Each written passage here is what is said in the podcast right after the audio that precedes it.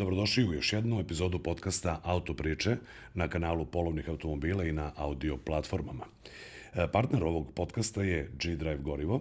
G-Drive je, kao što verujem da znate, aditivirano zimsko gorivo koje poboljšava zimski start, e, omogućava optimalnu potrošnju goriva i uz e, novu inovativnu formulu smanjuje naslage u motoru do 45 odsto.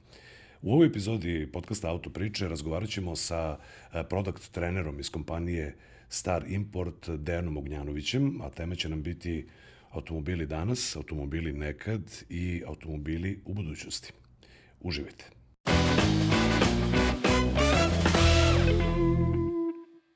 Dejane, dobrodošao u naš podcast. Veoma mi drago biti ovde.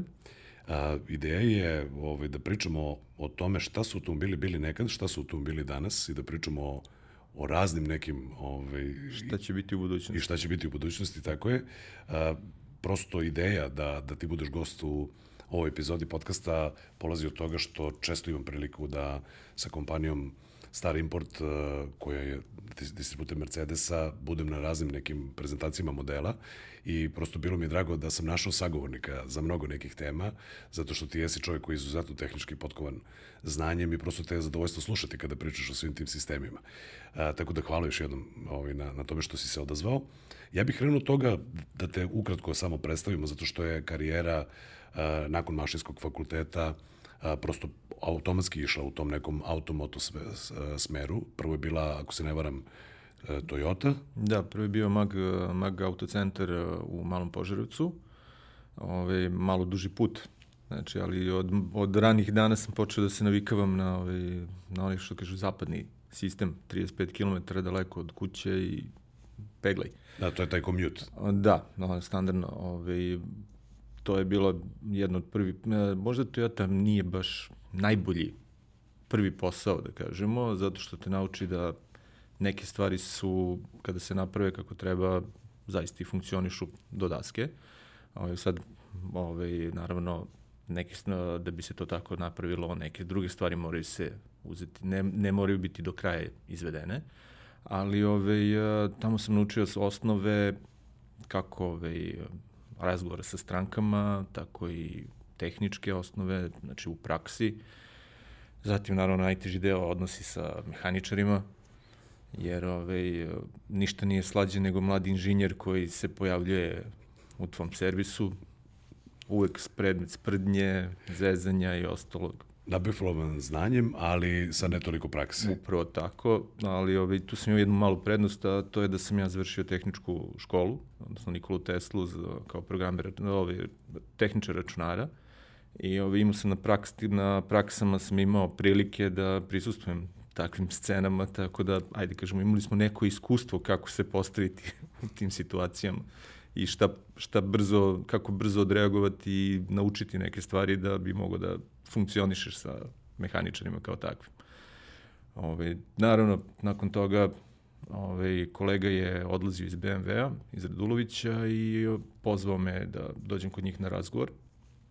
Odazvao sam se, prošao sam tu neku njihovu inicijalnu proveru i naredne dve godine sam proveo kao servisni inženjer u BMW Raduloviću sve od prijema stranaka, izrade računa, garancija, diagnostike vozila, to je bio moj posao i nakon, nakon te dve godine pojavilo se otvoreno mesto after sales menadžera u Chrysleru. Chrysler, e, stvari tad je već, tad je još uvijek bio Daimler Chrysler, odnosno uh, after, uh, retail uh, radionica Chryslerova, gde smo, gde sam imao tim od šest mehaničara, dva, dva, jednog prijemnog referenta i dva, dve, dva čoveka na rezervnim delovima i oni su bili moja ekipa.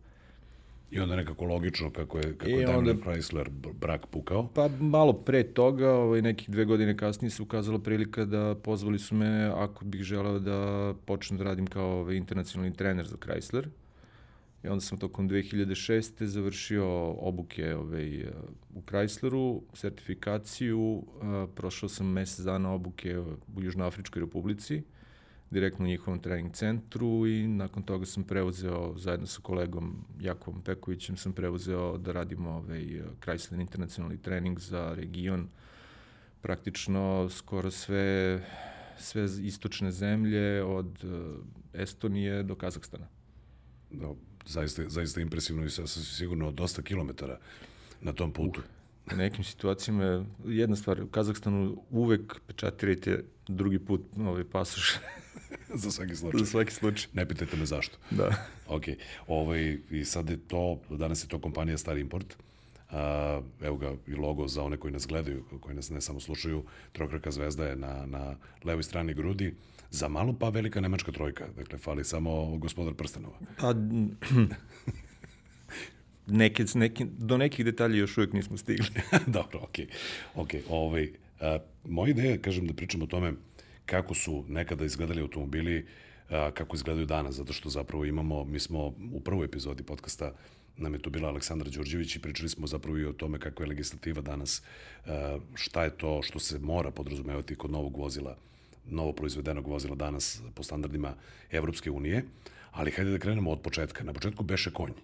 Ne, na početku uh, Kaiser, uh, nemački Kaiser rekao da je automobil prolazna inovacija i da je konj zauvek.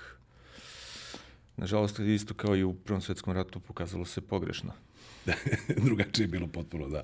Šalim se malo, hteo sam da ovaj, napravim geg sa, sa patentom za motor Wagen, ali a, zapravo neki automobili, kad pričamo o tome šta su bili ovaj, top modeli kada, kada sam ja odrastao, kada si ti odrastao, i ono što se danas zapravo dešava i ono što danas možemo da kupimo, to apsolutno nema veze više jedno sa drugim. Ja sam čak pre par godina izgovorio za, za recimo S-klasu, verovatno može da ide bez točka ali ne može da ide bez akumulatora i, i ne, to ne jednog akumulatora zbog svih ostalih sistema koje ima.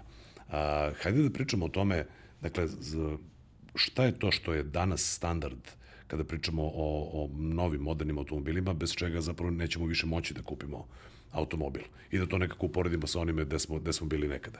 Za razliku od onog e, mima koji možete naći na internetu na staroj Volkswagen Bubi, gde stoji nalepnica na kojoj kaže bez airbagova, bez e, sigurnosnog pojasa, bez sigurnosnog pojasa, bez serva, mi umiremo kao pravi muškarci.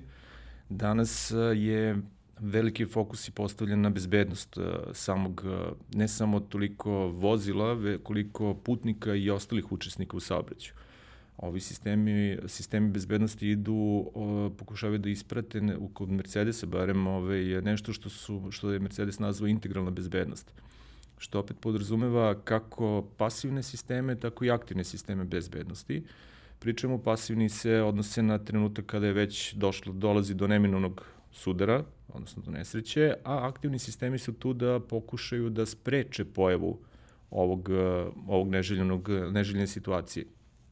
Naravno, nekada davno jedini način na koji ste mogli da povećate aktivnu bezbednost je bio dobra obuka vozača i određeni, određeni period iskustva u vožnji, ali danas čak i taj, čak i to više ne nudi dovoljnu, dovoljan nivo bezbednosti u saobraćaju, budući da je saobraćaj barem desetostruko uvećan. Se sećamo nekada sam, ja u mom bloku na parkingu ispred zgrade imalo je uvek šest ili sedam praznih parking mesta.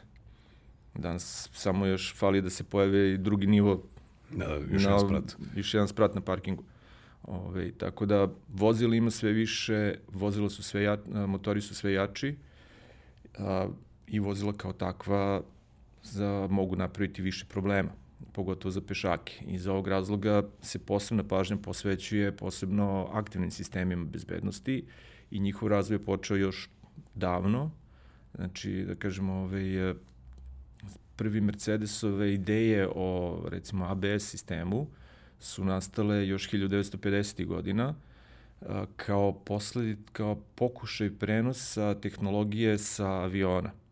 Jer avion kada sleće i kada treba počne da koči, da zaustavi svu tu masu, ovaj, mora da blokira praktično kočnice, međutim samo blokiranje kočnica izaziva nemogućnost upravljanja daljih vozilom i samim tim tu je postoje, postoji izvestan sistem koji je to dobro odrađivao na avijaciji. Međutim, oni su do nekih 5-6 godina pokušavali to da primene na Mercedesovim vozilima bezuspešno, da bi 60. godina otkupili uh, zajedno sa, to jest, uh, zajedno sa Boschom ušli u priču i otkupili jednu, jednu firmu koja je počela da razvija nešto što će kasnije postati praktično Boschov sistem ABS.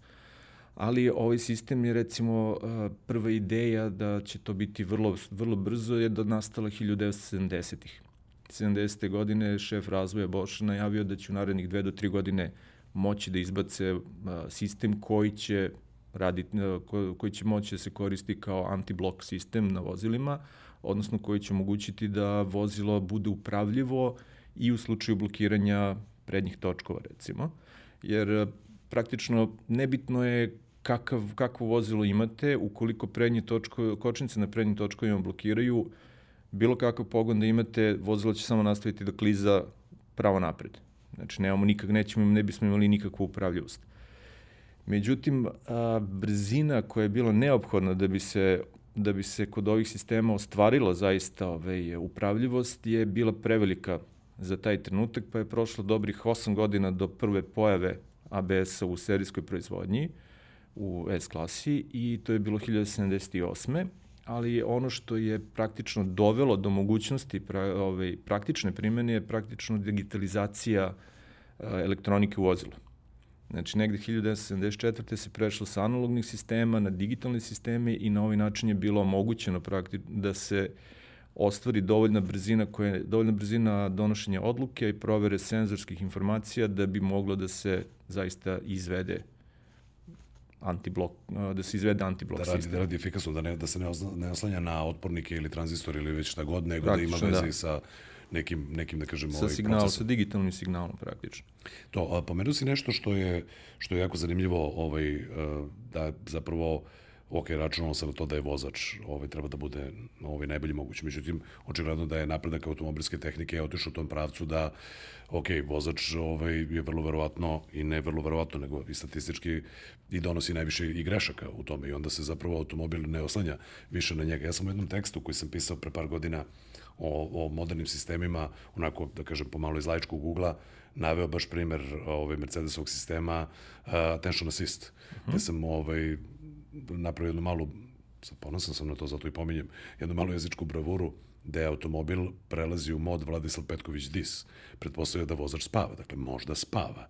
Hoću da kažem da su ti automobili, moderni automobili današnjice, a pogotovo kod, kod, kod Mercedesa, zapravo napravljeni sada tako da isključe na neki način vozača, odnosno da pretpostave da će on da napravi ovaj neku grešku i upravo zbog toga i postoje, da bismo mi svi zajedno bili bezbedniji. Nekada je, nekada je, da kažemo, commute trajao mnogo kraće i bilo je mnogo, da kažemo, to je bilo nekih 15 15-20 km je bilo uobičajeno. Bez velike gužve, znači nešto što je obezbeđivalo neki, da kažemo, realno normalan, normalno, normalan, normalan proces vožnje. Danas, u današnje vreme, komjut može trajati 50 km na jednu stranu uz onaj čuveni nemački štau, odnosno zastoj na autoputu gde milite 30 na sat ili 20 na sat, svejedno. Ove, tako da ove, i takođe puta, putevi koji se prelaze su daleko, daleko veći. Znači nije, nije redak slučaj da vozači pređu i po, par hilj, po hiljadu kilometara za jednu noć. Ovo je već veliki napor, pogotovo ako je noćna vožnja. To, je, to zaista predstavlja ogroman napor za mozak vozača i kao takav praktično naš, bio, naš biološki sistem u stvari u toj, celoj toj konstelaciji predstavlja naj, najslabiju kariku. I bitno nam je, budući da opet i ne znamo ko nam je tačno ispred za volanom, bitno nam je da imamo da postoji neki sistem koji će nam obezbediti da možemo upozoriti tog vozača da je sada pravi trenutak da možda stane sa strane, izađe napolje, prošeta se, popije kafu u restoranu i slično. Naravno, osnovni sistem je samo upozoravao vozača da je vreme da se zaustavi i da se malo odmori, a posle toga napredni sledeće generacije su davale mogućnost da li želite da vam pronađemo mesto gde, želite, gde možete popiti kafu, gde možete se odmoriti, prespavati i slično. Mislim, a, cela, a, cela koncepcija je u tome da se spreči, da se u maksimalnoj mogućoj meri spreči bilo kakva mogućnost dolaska do nezgode. E sad, naravno, ne možemo nikada, ovaj, a, nikada ne možemo izbeći svaku eventualnost, ali recimo ovaj attention assist koji si, koji si pomenuo je veoma zgodan sistem. Ovaj, a, naročito ga vole moji prodavci, pošto ovaj, jedna od čuvenih izjava za attention assist je bilo kako, fun kako funkcioniše attention assist. To je bilo moje sledeće pitanje, zašto je vrlo zanimljivo kako funkcioniše. Prodavac da ga rekaš, vidi, znam da radi, ali prate, kada, kako, zbog čega, znam da koristi 71 dozor, ali on zna. ne znam da objasnim kako znam. Ne mogu da objasnim. U stvari, uh, šta je poenta? Poenta je attention assist sistem jednostavno uh, počinje da, da funkcioniše tek kada pređete 60 km na sat. Jer njegova zaista prava namena je, su dugi, duga putovanja, uglavnom na autoputu. Na regionalnom putu nema toliko problema ako vozite do 60 km na sat, jer se scena, scenografija se dosta menja. Ne umaramo se kao vozači, zapravo ne ulazimo u taj neki mod Upravo autopilota, to. odnosno da. odlutuje na misli. Onog trenutka, to je, uh, najbolji primjer je, treba, trebaš da prevezeš iz, da se prevezeš preko centralnog dela SAD-a Put je potpuno ravan i u, uvek ćeš naleteti na jedan auto koji je sa strane izvaljen zato što je čovjek jednostavno zaspao od uh, dosade. To je njihov slavonski brod, zapravo, Route 66. Taj faz, upravo to. ove, I, ove, znači, praktično vozilo počinje da meri ponašanje vozača pre, kada, kada pređe kilometraž, brzinu od 60 km na sat. Tokom, kada pređe 60 km na sat, vozilo počinje da beleži koja je radio stanica na, na radiju, beleži da li rade, da li rade brisači, da li pada kiša, da li je dan ili noć, da, a, kakvo je ponašanje vozača preko ugla na ugla ovaj, zakretanja volana, beleži kako se kako vozač vozi. još gomilu stvari. Danas ima veze i sa pulsom, ali o tome Danas ćemo... ima i, ha, i sa još drugim, imamo, gleda i oči i slično, to, to novi da kažem, sistemi. Da. Ove, ovaj, i na, os, na osnovu tih nekih 70 parametara vozilo napravi, tokom prvih 20-30 minuta vožnje, napravi profil vozača kada je on u potpunosti spreman za vožnju. Znači, bitno je, kod bezbedne vožnje jedna od najvažnijih stvari je kondicionalna bezbednost, odnosno kondicionalna sposobnost vozača da vozi. Nakon nekog vremena počinju da se pojavljuju određene greške u ponašanju. Pa recimo, znači više vam, postaje vam dosadna radiostanica, pa počinjete da menjate radiostanicu, što znači da vam pažnja pada sa saobraćaja ispred vas. Zatim možda počinje da pada kiša, samim tim smanjuje se predviđeno vreme na kome će se vršiti provera da bi se uzelo u obzir loši uslovi. Sve do to onog trenutka kada počinjete da ono što mi većina nas i ne primeti tokom vožnja, to je da za trenutak padne u mikrosan, u alfa stanje, za, no, nije, nije, nije ni desetinka sekunde. Što bi rekli Nemci, sekunden šlaf. Da. I onda jednostavno dolazi do trzaja na upravljaču kada se, vrat, kada se ponovo osvestimo, da kažemo, probudimo i sistem to detektuje takođe i to su prvi, prve naznake da je vozač pri kraju znači svoje kondicionalne bezbednosti. I onda izlazi šoljica. I onda kada se ispuni, kada, kada ispuniš minus, onda se pojavi šoljica i kaže, e, momče, vidi, ja te ne bih, ove, ja te ne bih zadržavao, ali svrati na parking, otvori vrata, prošeti malo, udahni čist vazduh, popi kafu ako je ima i onda nastavi. A, kako je zapravo, kada pričamo o, o nastanku određenih sistema, ok, ABS e, je logično nekako je došlo do njega. Volvo kada je uveo a, pojaseve vezivanje u tri tačke, pa jedno vreme nisu to usvajali drugi proizvođači, pa su onda počeli da, da, da usvajaju, pritom je čovjek koji to izmislio dao potpuno slobodna prava, što je jako dobro i povećao bezbednost saobraćaju, ali recimo kako zapravo tako neka velika kompanija dođe do toga da hajde da radimo i attention assist, hajde da razmišljamo o pre-safe-u. Dakle, jeste prva premisa ta, hajde da sačuvamo živote, ne radi se zapravo o čuvanju lima. I o imovinskoj, da kažemo, ovoj, toj strani, nego se radi o, o čuvanju života. Ali kako to nekome prosto padne na pamet ne očekujem da imaš potpuno odgovor, odgovor uh, sad da je neko ovaj, seo pa, razmislio, ali... Kompanijski odgovor je mi brinemo o našoj, našoj, našim, ovaj, našim, uh, da kažemo, kupcima, naravno. Uh, sa druge strane, uh, sama, uh, sama kompanija želi da njeni kupci budu ponosni na svoje vozila i želi da njeni kupci se vrati i kupe svoje vozila. Neke od uh, uobičajenih, od čestih izjava, znači Mercedes recimo ima uh, zadnjih skoro 60, 70 godina postoji centar za ispitivanje saobraćenih nezgoda, koje se, na, koje se, teških saobraćenih nezgoda, koje se dešavaju u krugu 200 km oko Štutgarta i u kojima je uključen, uključeno barem jedno Mercedesove vozilo. Znači, za svaku takvu nesreću postoji ugovor sa, sa državom i policija poziva ljude iz ovog centra koji dolaze, snimaju štete, snimaju kompletnu nesreću, vrše rekonstrukciju da bi se došlo do praktično do samih, da bi se došlo do podataka kako unaprediti ne samo naša vozila, već i voz, standarde za proizvodnju i drugih vozila. A, tu, je, tu je još jedna od stvari koje možda nisu poznate široj javnosti, a to je recimo da ovaj, sva vozila imaju svoje, znači svoje deformacione zone postavljene, osnovne, što kažu mehaničari kažu, rogove ovaj, šasije, postavljene na istoj visini. Bez obzira na to koliko je zaista vozilo. Da prosto ne bi ugrozio drugog, to je standard koji je usvojen. Jednostavno, da bi... to je usvojeno kao standard svetski, uh, koji, koji praktično do, dovodi do toga da praktično vi, ako imate malo skuplje vozilo, ćete ipak zaštititi i ovoga ko ima nešto jeftinije vozilo, ali najbitnija stvar je da ćete obojici, obojici imate veće šanse da preživete taj, aj kažemo da je čelni sudar u pitanju. Ja sam pretpostavljam da ima veze naravno i sa time da je usvojeno kao standard da bi moglo na osnovu ugla udarca da se utvrdi koliko je kočio, da li je kočio jer mora da potone ili se vidi da apsolutno nije kočio po visini.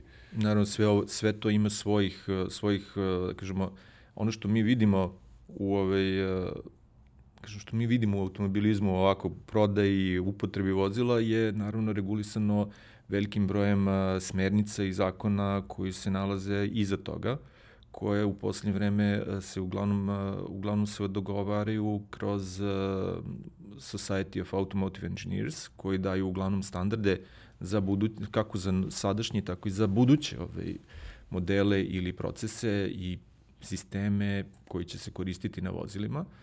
Oni su isti ove, ista ova organizacija takođe propisala recimo i ono što ćemo što smo rekli da ćemo pomenuti i kasnije pet nivoa ove, autonomne vožnje šta oni tačno, šta oni tačno znaju i to je propisano od još davnih 70. godina. Ono što je, opet sa druge strane, veoma bitna stvar je da smanjenjem, da recimo samo u, u primjena ovih, u prvih 10 ili 20 godina primjene ovog istraživačkog centra je do, dovelo do smanjenja oko 20% fatalnosti u, u saobraćenim nezgodama i na osnovu tih informacija su se dalje razvili pomoćni sistem, prvi pomoćni sistemi kao što je brake assist. Brake assist je doveo do toga da recimo ovaj, slu, uh, procent, da broj smrtnih slučajeva pri naletanju na pešake pa je pao više od 50% nakon prvih upotreba. I na, dalje, nakon toga već, kada već postavite sebi jednu takvu smernicu, kao da se brinete ne samo o onome ko sedi u vozilu, nego i onome ko je ispred, jer da se ne lažemo, u nekom trenutku će i taj koji sedi u vozilu biti na pešačkom prelazu, ovaj, pa to dolazi do, dolazimo do nečeg što se zove društvena odgovornost. Ove, ovaj, a, dalje se posle toga razvijaju i ostali pomoćni sistemi koji onda uključuju kameru, radar, prve, prvo radar, pa onda kameru i slično. E, ajde, za, na kratko, iako imam već sledeće pitanje spremno, e, kada pričamo o break assistu, možda pravo vreme da, da, da pojasnimo one koji su čuli možda za to ili nisu čuli za to, ali ne znaju kako funkcioniše. Šta zapravo radi Brake Assist? Brake Assist, eh, prvi sistem. Znači, ne idemo sad u ove nov, novije sisteme koji mogu sve, svašta da preračunaju. Prvi sistem je bio kum sa strane koji kaže koči. Uh, gospođe. E, ili u najčešćem gospođe. Najčešće gospođe. Ove, uh, Brake Assist sistem uh, uh, pokušava da, pre, prvi, prvi sistem je pokušavao da prepozna uh, situaciju kritičnog kočenja. Zašto je ovo bilo veoma bitno? Samo ovo istraživanja su pokazala da praktično zbog e, položaja tela i ergonomije u vožnje, vi nikada ne možete iskoristiti 100% kočene sile koju, koje može vozilo da aktivira. Znači, u najboljem slučaju, kada izvijete celo telo pritisku, možete da aktivirate kočenje sa nekih 70%. To je kad bi se uhvatili za volan i onako... Uhvatiš i pritisneš i sve snage. Da. kad bi legli ovaj, sa obe noge znači, na kočicu. Iako, iako su, su uvedeni hidraulički sistemi sa boosterima svim ostalim, ne možete dovoljno brzo da aktivirate tih 100% sile, odnosno aktivirate do nekih 70% u malo dužem vremenskom intervalu. A, 3 metra znači život. bukvalno, u takvim situacijama. Ono što je brake assist omogućio je da a, pratići brzinu promene, znači delta, delta promene a, hoda papučice kočnice, je bilo, je bilo omogućeno da se detektuje da je u pitanju hitno, odnosno panično kočenje i onda sistem uključuje potpuno nezavisni deo koji vrši stop, aktivaciju 100% sile na kočnicama vozila.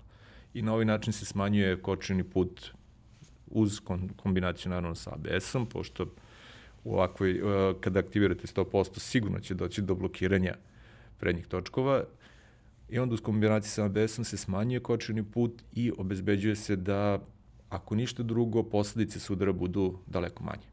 Pomenuli smo prvu generaciju, a današnja generacija brake assista? Uh, današnja generacija Kaže, uh, koliko imamo kom, vremena. Kombinuje, koristi, ovaj, koristi nešto što se zove senzorska fuzija, odnosno može da iskoristi podatke, prvenstveno koristi podatke sa radarskog senzora na vozilu, kojih može biti 1, 3, 5 i mnogo više, uglavnom do 3 recimo u prednjem delu. E, I takođe može koristiti podatke sa optičkih e, kamera koje se nalaze na, na vozilu. Ovo je jedna od, jedna od e, nenadanih blagodeti tehnološkog razvoja, budući da su svi proizvođači automobila veliku nad, velike nade polagali negde početkom 2000-ih u LIDAR sisteme, recimo za mapiranje, za lasersko skeniranje terena oko vozila i ostalo, ali problem bio količina, količina praktično kompjuterske snage i da, cena. Da, on to može da procesuira sve to što vidi. Upravo tako. Međutim, razvoj kamera je doveo do toga da praktično smo imali ogroman skok između 2007. i 2012. 2007. naš, naš eksperimentalni model uh, F700 je koristio lider, lider kameri, lider radarski, lider laserski skener terena u, u farovima da bi prove, procenio kakav je teren ispred vozila, da bi pripremio ABC sistem, Active Body Control, hidrolički sistem oslanjenja za predstojeću rupu ili neravninu. A 2013. godine S-klasa nova koja izlazi ima stereoskopsku kameru koja radi isto to po ceni koja je bila barem 20 puta niža. To je prosto napredak i masovna proizvodnja. masovna proizvodnja, prelazak sa CCD kamera na CMOS kamere takođe ima. Znači, automobilska industrija nije, viš, nije nešto što se razvija samo u kući više. To je ono što je recimo čest, često pitanje kao pa ne pravite više, za ne pravite vi kompletan automobil. A, bukvalno je nemoguće napraviti automobil su, samo u sobstvenoj kući a čak i kad, u stvari, jeste moguće, ali je toliko skupo da nema potrebe da nema se to potrebe radi. Da se to radi. To je to je nešto kada je ovaj sad je ovaj digresija, ali ima veze sa sa razvojem automobilizma. Kada mene rekao, recimo pita dobro zašto Mercedes pravi Citan?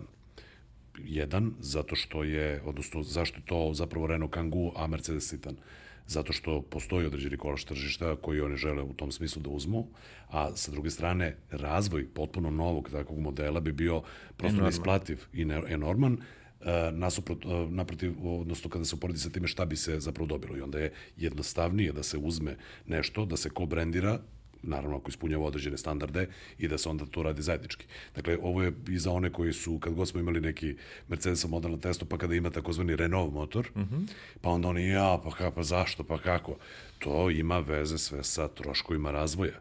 A ako je, da kažem, dovoljno dobro, odnosno ako ispunjava mm. standarde sa kojima i, i jedna i druga kompanija su zadovoljne, eto, saradnje koje je na koje... opštu polzu no, saradnja je bila korist, na korist e, kako Renault, tako i Mercedesa.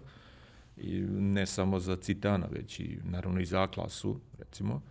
Ove, ono što je bitno napomenuti je recimo da je Daimlerov, dok je bio, da kažem, Daimler kao, kao grupacija, sada smo se podelili u tri, ve, tri veće e, grupacije, jedna se bavi samo mobilnosti, mobilnošću i bankarskim, odnosno finansiranjem i leasingom, druga je Daimler Trucks i na, osnovna je Mercedes-Benz and Vans Cars, Cars and Vans.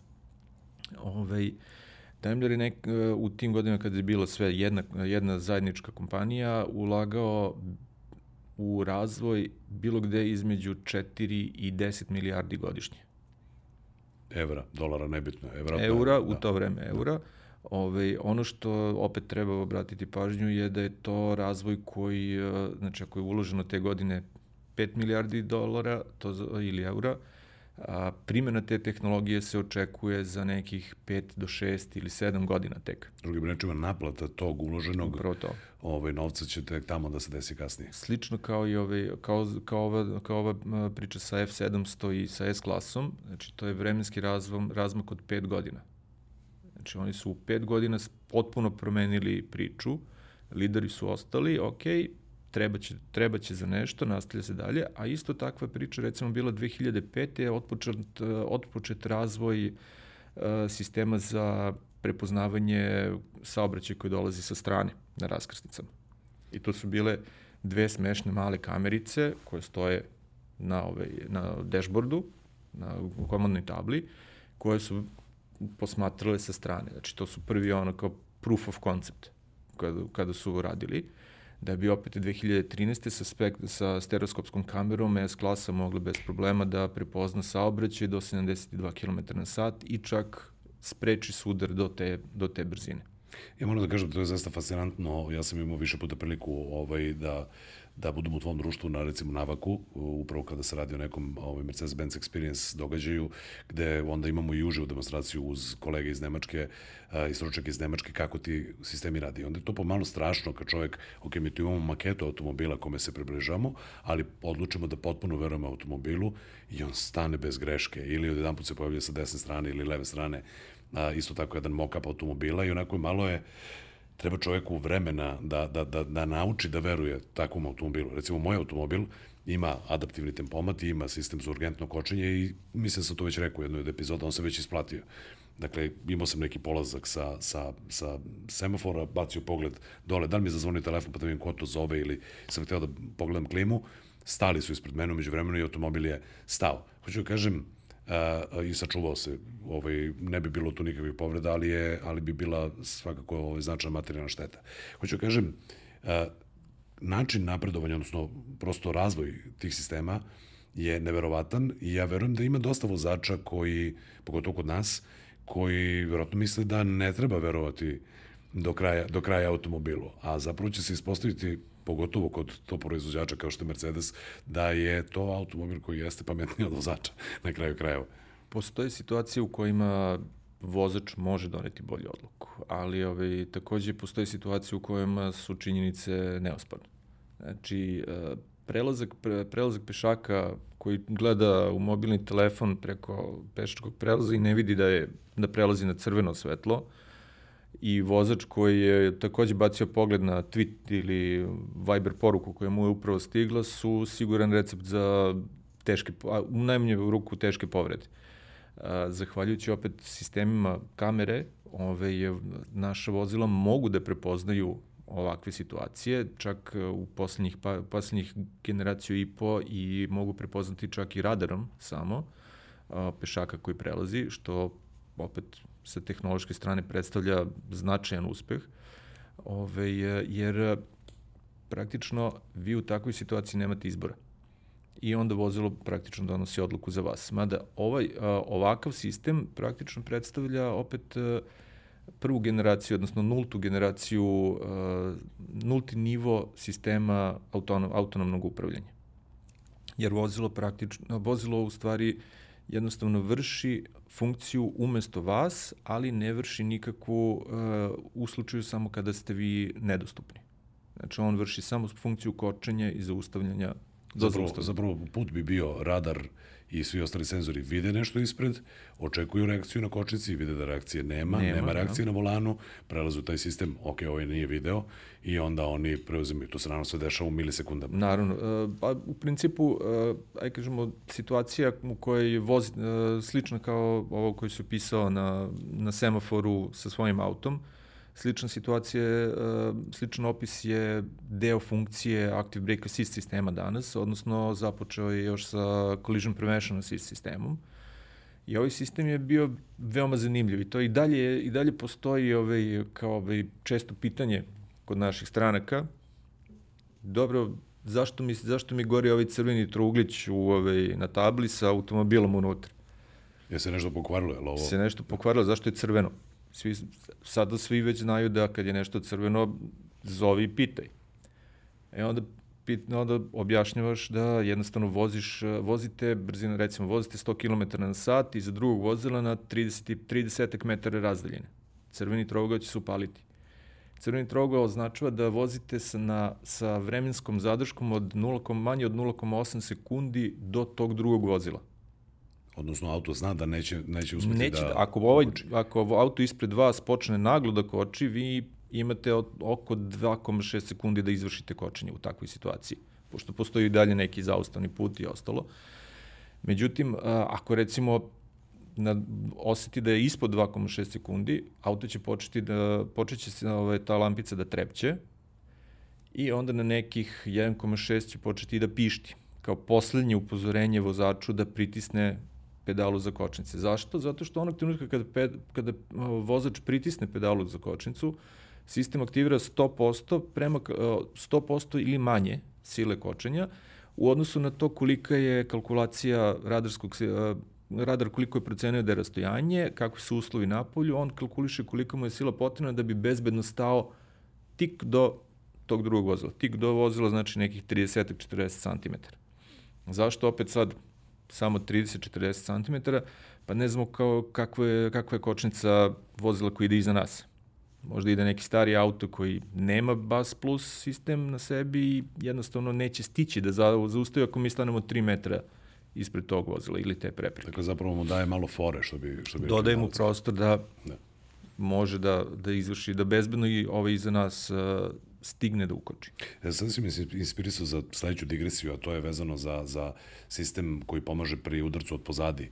Uh, recimo, uh, škola, da kažem, i naših roditelja, jeste da kada stojiš na semaforu i ako vidiš u retrovizoru da će da se desi sudar, izbaci auto iz brzine, pusti kočnicu, jer to je bolje zbog, ne znam, vrata, zbog vozila i tako dalje. Međutim, istraživanja su pokazala da je ogroman broj, zapravo i veći broj povreda na letanje na vozilo ispred i Mercedes kada vidi, i ne samo Mercedes, ali prvi je koliko znam krenuo sa tim, kada vidi da će od pozadije da se desi sasvim siguran sudar, on onda ankeruje automobil i zapravo aktivira ručnu kočnicu da ne bi se naletalo na vozilo ispred i naravno pripremi sistem za... Pre-save sistem odredi sve, sve potrebne pripreme da obezbedi maksimalnu bezbednost uh, putnika u, u vozilu. Ovo je zapravo ilustracija toga kako ta statistika, šta se to dešava i ta sva ispitivanja nakon sudara dovode do, do promene Upravo u praksi. To. Ali uh, tu postoji još jedan drugi, ovaj, još jedan aspekt. Uh, u ono vreme kad smo mi vozili, to vozilo je bilo nešto što smo dugo čekali, teško dolazili do toga i vrednost vozila u neku, u neku ruku bila kao zaista, zaista nešto zaista vredno. S druge strane, broj, uh, količina saobraćaja je bila daleko manja, tako da na raskršnici nije bio toliki problem ako vas izbace napred. Znači, sam whiplash, kako amerikanci kažu, odnosno povrede vrata su jednim dobrim delom moguće ih rešiti pravilnim postavljanjem naslona, odnosno za glavu, na sedištu. Znači, ukoliko je pravilno postavljen, vi nećete imati, nećete pretrpeti preveliku, preveliko opterećenje u vratnim mišićima i vratnim pršljinovima. Međutim, ako nemate naslon za glavu, to je put u... puna težina glave putuje nazad i to je već predstavlja ozbiljan problem. A, sa druge strane, ajde kažemo da imamo vozila koje imaju naslon za glavu, koji su podešeni kako treba i sve ok. Ako bismo pustili u ler, da kažem, on, izbacili iz brzine, pustili kočnice, sve i dozvolili da nas drugo vozilo udari, jedan deo energije će biti potrošen u, ovaj, u sabijanje lima. Ok. Međutim, a, drugi deo energije će gurnuti vozilo dalje u raskrsnicu. Nekada, budući da su brzine bile mnogo manje i da je broj vozila bio daleko manji, nije bio to toliki problem. Ono što danas predstavlja problem je veće brzine kretanja i daleko više vozila. Znači, verovatnoća da će vas neko udariti sa bočno je danas ogromna.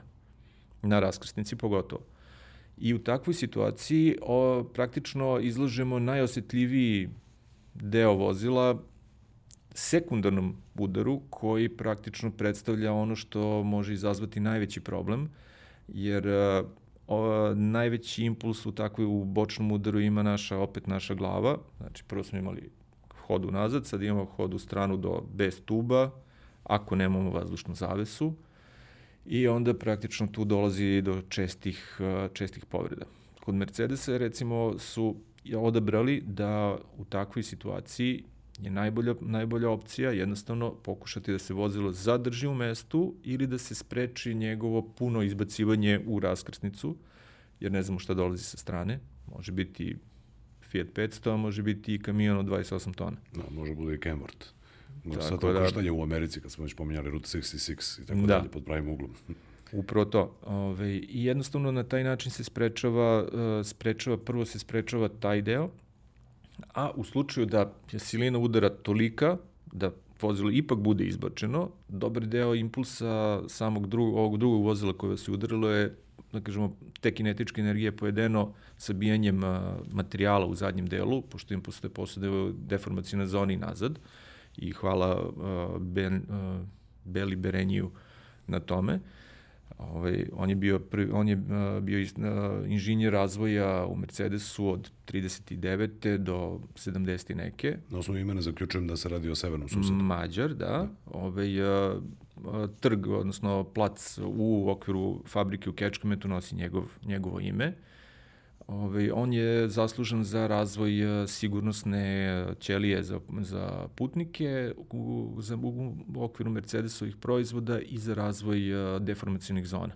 Znači, to su njegovi patenti iz 41. i 51. A danas Recimo. smo 2000. A danas smo, znači, dalje koristimo to u, u 2022. Ovo, ono što sam hteo da kažem je, znači, u situaciji kad vas već, ako već dođe do toga da vas izbace napred dalje, naravno aktivirat će se odgovarajući pre-save sistemi koji će dovesti do toga da će vozilo pokušati da unutrašnje delove vozila pripremi u najbolji mogući položaj za vozača, za smanjenje, za maksimalno smanjenje povreda. To podrazumeva da će naslon za naslon sedište biti uspravljen za, do određenog nivoa da će se pomeriti, ukoliko postoje elektropokretači, da će se pomeriti naslon za, za glavu takođe, da će se zategnuti pojas da bi zadržao telo vozača u mestu. I nakon toga dolazi onaj drugi deo, bočni sudar. Kada je u pitanju bočni sudar, nekada je, pr je prva linija odbrane su bili praktično uh, dodatni, dodatni profili od ultrajakih čelika u vratima. Međutim, šta god da stavimo, koliko god da je jak taj materijal, ipak je to znači debljina nekih desetak santimetara maksimalno što I možete staviti. I pretisak pod I, najčešće 90 stepeni sa strane. Upravo to, znači najgori mogući slučaj. A, pogotovo što je niž, što je ram vozila praktično, odnosno ta ovaj ram kutije za preživ, ćelije za preživljavanje, odnosno putničke, putničke kabine je malo niži od ovog dela, tako da praktično prednji deo drugog vozila ulazi direktno u vozilo naše i onda se došlo do toga da je postoji potreba za nekim dodatnim sistemima. A, prvi dodatni sistem su bile vazdušne zavese, koje su praktično, pored toga što su sprečavale krhotine stakla da upadnu u vozilo, takođe su značajno, značajno pomogli u tome da, tako što su sprečavale i da glava putnika udari praktično u stub ili u staklo ili šta već. Uh, Nakon toga se proširuje, proširuju se ovaj sistemi preko Impulse Side sistema isto u S klasi 2017. koje je mogao, recimo ako ste na suvozačkoj strani, kao recimo sad da neko mene vozi, ovaj sistem ukoliko je udar sa, sa suvozačeve strane će napuni, brzo napumpati meh koji se nalazi u sedištu i čime će vam dati impuls na stranu efektivno pomera, dajući vam ubrzanje na stranu, pomera vas zapravo. dalje od opasne zone, a u isto vreme, budući da kada drugo vozilo udari, onda ćete imati impuls i na drugu stranu, smanjuje ukupno, ukupno ubrzanje vašeg tela i time smanjuje opterećenje koje ovaj, putnik ima u toj situaciji. Generacija iza toga je sada sa najnovijim S klasom, sa i Active Body Control sistemom, sistem koji može da podigne kompletno vozilo 8 cm gore i jednostavno onda dovodi praktično sa tih 8 cm se čvrsti deo strukture kabine dovodi u direktnu kontakt sa deformacijnim zonama drugih vozila. Dakle, eto, da dođo smo do, do, do toga da automobil može da se izdigne kada prepoznaje opasnost, da bi bolje primio udarac, odnosno bio sigurniji za putnike unutra. A, ja često kada, kada imam neko od vozila Mercedesa na, ovaj, na testu, a, prosto ne uđemo na brajanje svih sistema koji, koji tu postoje, zato što bi to uzelo pola ove emisije, pola klipa i čak i druge kolege pa i na drugim tržištima to rade na taj način, zato što je to, kako bih rekao, toliko ih ima, pod jedan, pod dva, toliko su na neki način kompleksni, e, da bi to zaista nabrajanje bilo bespredmetno. Međutim, mene jedna ovaj stvar uh, dodatno inspiriše. Kako recimo ovaj Mercedes ili drugi neki sada moderni automobil, a uglavnom se to prvo, da kažem, uvede u Mercedesima, što kaže Jeremy Clarkson, ajde da vidimo kada je RS klasu, ajde da vidimo šta ćemo smo imati u kolima za 10 godina. Na koji način automobil zna da li je objekat na koji naleće ispred, ispred njega, da li je živ ili nije živ? Uh, uh, to, je bio, to je jedna od funkcija koje, koje su, nažalost, nisu više dostupne. A znači isključeno, dobro. Take out rate, uh, nažalost, ovaj, svaka kompanija gleda takođe i svoju, svoju profitabilnost. A profitabilnost opet zavisi od toga koliko stranke poručuju određenu opremu i nažalost neka oprema koja se ne poručuje u dovoljnoj meri biva sklonjena barem neko vreme ali ovo što si pomenuo je upravo ovaj, iz modela S klase iz 2017. godine, infracrveni, infracrveni, infracrvena kamera koja takođe pose, poseduje termovizijsku kameru koja služi da bi detektovala da li je predmet ispred vas živo biće ili kartonski predmet, recimo, slično kao u ovaj, mrtav ladan, ovaj, gde imamo ovaj, lažnog kartonskog pandura i, o, izvinite, možda policajca, i pravog brku. Ove, jednostavno, ovaj sistem je, infracrvene kamere su divna stvar. Pogotovo zato što a, vam omogućavaju da iskoristite daleko veću snagu svetala, o, osvetljenja, nego što je dozvoljeno zakonom sa svetlima koja koriste vidljivi spektar. Ne znam što ovo prosto naše oko ne registruje. Naše oko može da se, ne registruje da infracrvenu svetlost i možete obasjati sa, jedno, sa tim set, sa tim diodama ili uh, halogenim sjelicama koje su proizvodile ovaj, ultraljubičastu svetlost se mogli osvetliti bez problema 600, 700, 800 metara ispred, a infracrvena kamera je sama po sebi izrazito osetljiva i, sa, i omogućava da tako već postoji takav izvor svetlosti koji osvetljava oko sebe, po, daje kristalno jasnu sliku. Znači, daleko lakše napraviti kameru koja može da vidi infracrveno nego kameru koja vidi u optičkom spektru. To je bilo jedna, je, znači Terminator. Da, da. Ili Predator, može i tako. Može i tako, da. da. Predator koristi termoviziju.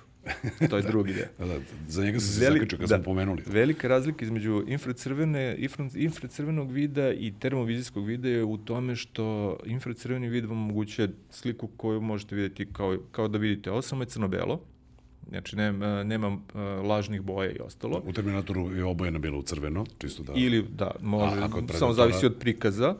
Da. Ove, a kod Predatora, naravno, pred, Zeleno, koristi, žuto, naranđasto, crveno. Da, koristi termovizijsku kameru praktično, ili ono što mi kako mi smatramo da termovizija bi trebalo da izgleda, termovizija praktično definiše kolike su temperature u određenim delovima slike.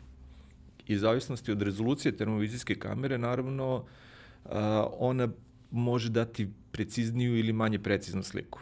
Ono što je, što je posebna karakteristika FLIR kamere, odnosno termovizijske kamere, je činjenica da su ekstremno skupe.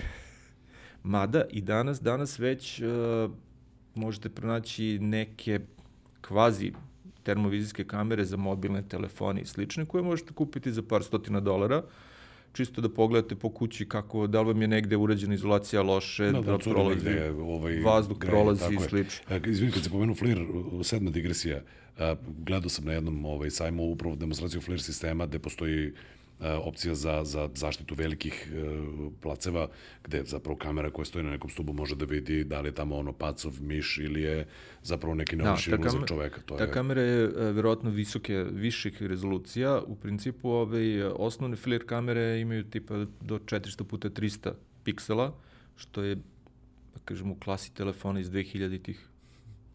Ali dovoljno da pokaže ono što... 0,3 megapiksela ili slično. Znači, dovoljno da pokažu da je tu nešto Znači, uh, cela, uh, sve ono što može sve ono što možemo videti u science fiction filmovima i slično ili možete pročitati u nekim science uh, u, na, u knjigama naučne fantastike će u jednom trenutku se pojaviti i na ove i na automobilima. Pa tako recimo isto uh, samo ovaj sistem o kojem smo pričali, Active Brake Assist, odnosno CPA, u najvećoj meri podsjeća na ovaj, čuveno upozorenje iz uh, Space Opera, crash imminent. Crash imminent, da, to je to. Ili kao, kao, što, sa, kao što imamo u avionima, terrain, terrain, terrain, terrain, pull up. Ok, um, hajde da pričamo sad malo i, i o budućnosti.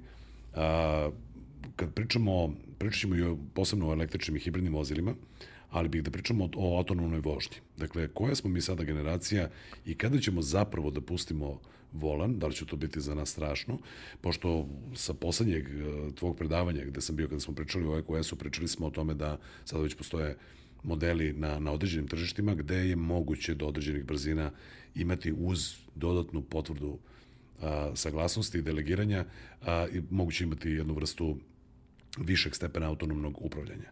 Šta su tu izazovi kada će to realno ovaj, moći da se desi i šta su zapravo, šta je moralna dilema kada pričamo o autonomnom upravljanju? Najveći problem cele ove priče.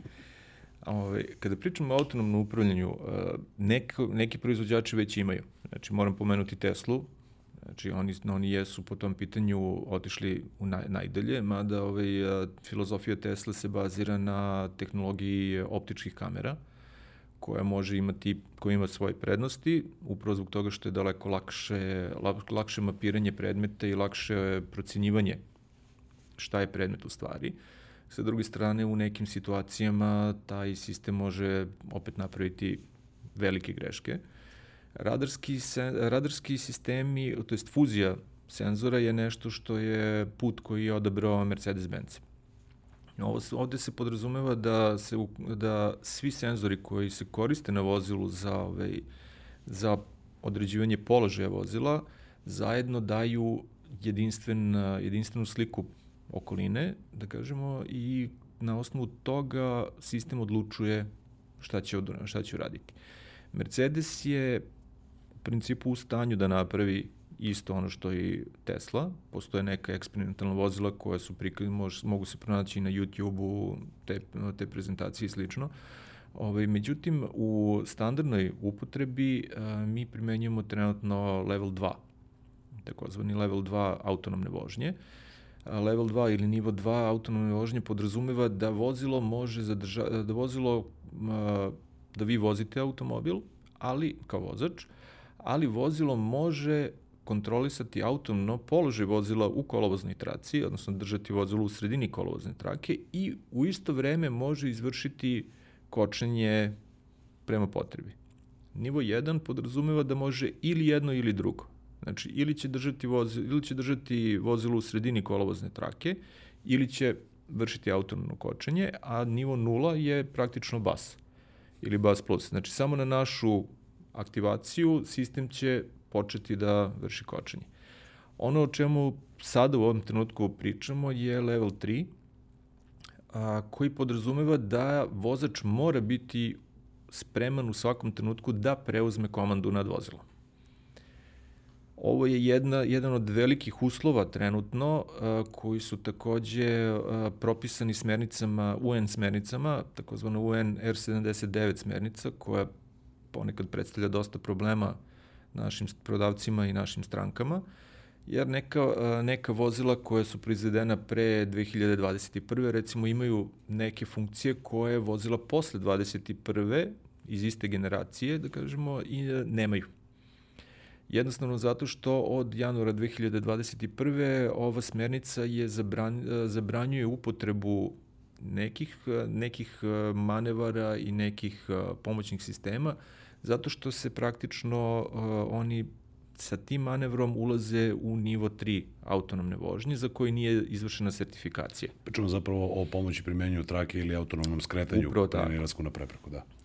Uh, autonomno, uh, autonomna pro, uh, samostalna promena kolovozne trake, odnosno nije samostalna promena, nego promena kol, automatska promena kolovozne trake na signal vozača jer recimo u nekim situacijama nije dostupna. Dobar primjer je GLA, recimo GLA iz 2020. ima ovu funkciju, veoma lepo funkcione, veoma lepo radi. Međutim, GLA iz 2021. april, mart, april, jun, nema više tu funkciju. Jednostavno razlog počela je, ta smernica je došla na snagu i jednostavno fabrika je morala da kažemo, da, da otkaže tu, tu stvar, da. da povuče tu funkciju iz upotrebe. Vozila su u potpunosti opremljena i mogu to raditi, međutim, jednostavno program, nedostaje taj mali deo koda koji se brine o tome i to je to. Naravno, to se odnosilo na ove na, na generaciju 4.5 inteligentnih sistema vožnje. Trenutna, recimo, na S-klasi generacija je 5 uh, inteligentnih sistema vožnje. Ona, je prime, ona se primenjuje od S-klase na sve nove sisteme koji imaju uh, MBUX uh, generaciju 7 i koji imaju, uh, uključujući električna vozila, kao što je EQS, EQE, EQS SUV. E, veoma zanimljiva stvari, ovo prosto nisam očekivao kao odgovor, da zbog toga što je nešto se izračunato da je, da je, da je može da bude loše jer ulazi u u, da kažem, drugu zonu, prosto se ovaj mora isključiti. Inače sam hteo da pričamo i naširoko o distroniku i tome kako je to lepo kad ti daš... Sad da nastavimo dalje. Pokazivaš pravcu i on, i on se prestroji i tako dalje.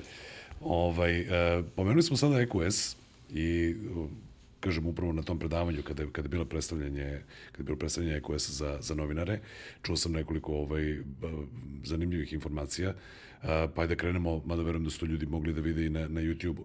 Dakle eto dođe smo do automobila gde prednja hauba se zapravo ni ne otvara. Upravo tako. Znači opet e, od, neče, od onoga što su svi očekivali da će napred imati kao, kao kod Tesla Frank, da.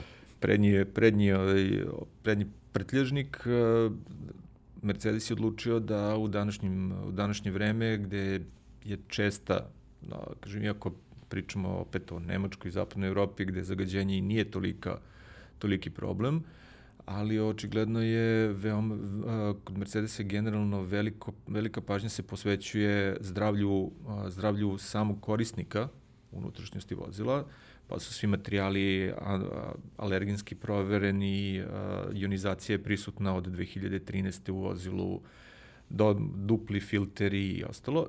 I tako dolazimo do nečega što je sada u EQS-u, a to je dvostruki HEPA filter u samom prednjem delu koji ima dimenzije od oko 1,10 puta 70 cm. Jel grešim, kada bi se sve te čestice porađale jedna pored druge, dobili bismo ne, ne, futbolski više, teren ili tri futbolske terena, tako sam razumeo? Nekoliko futbolskih terena. Nekoliko futbolskih terena, Kad bismo da. razvukli sve kako treba, kako bismo razvukli ceo, ceo filter. Praktično, ovaj HEPA filter obezbeđuje nekih 99,99% ,99 pročišćavanja vazduha.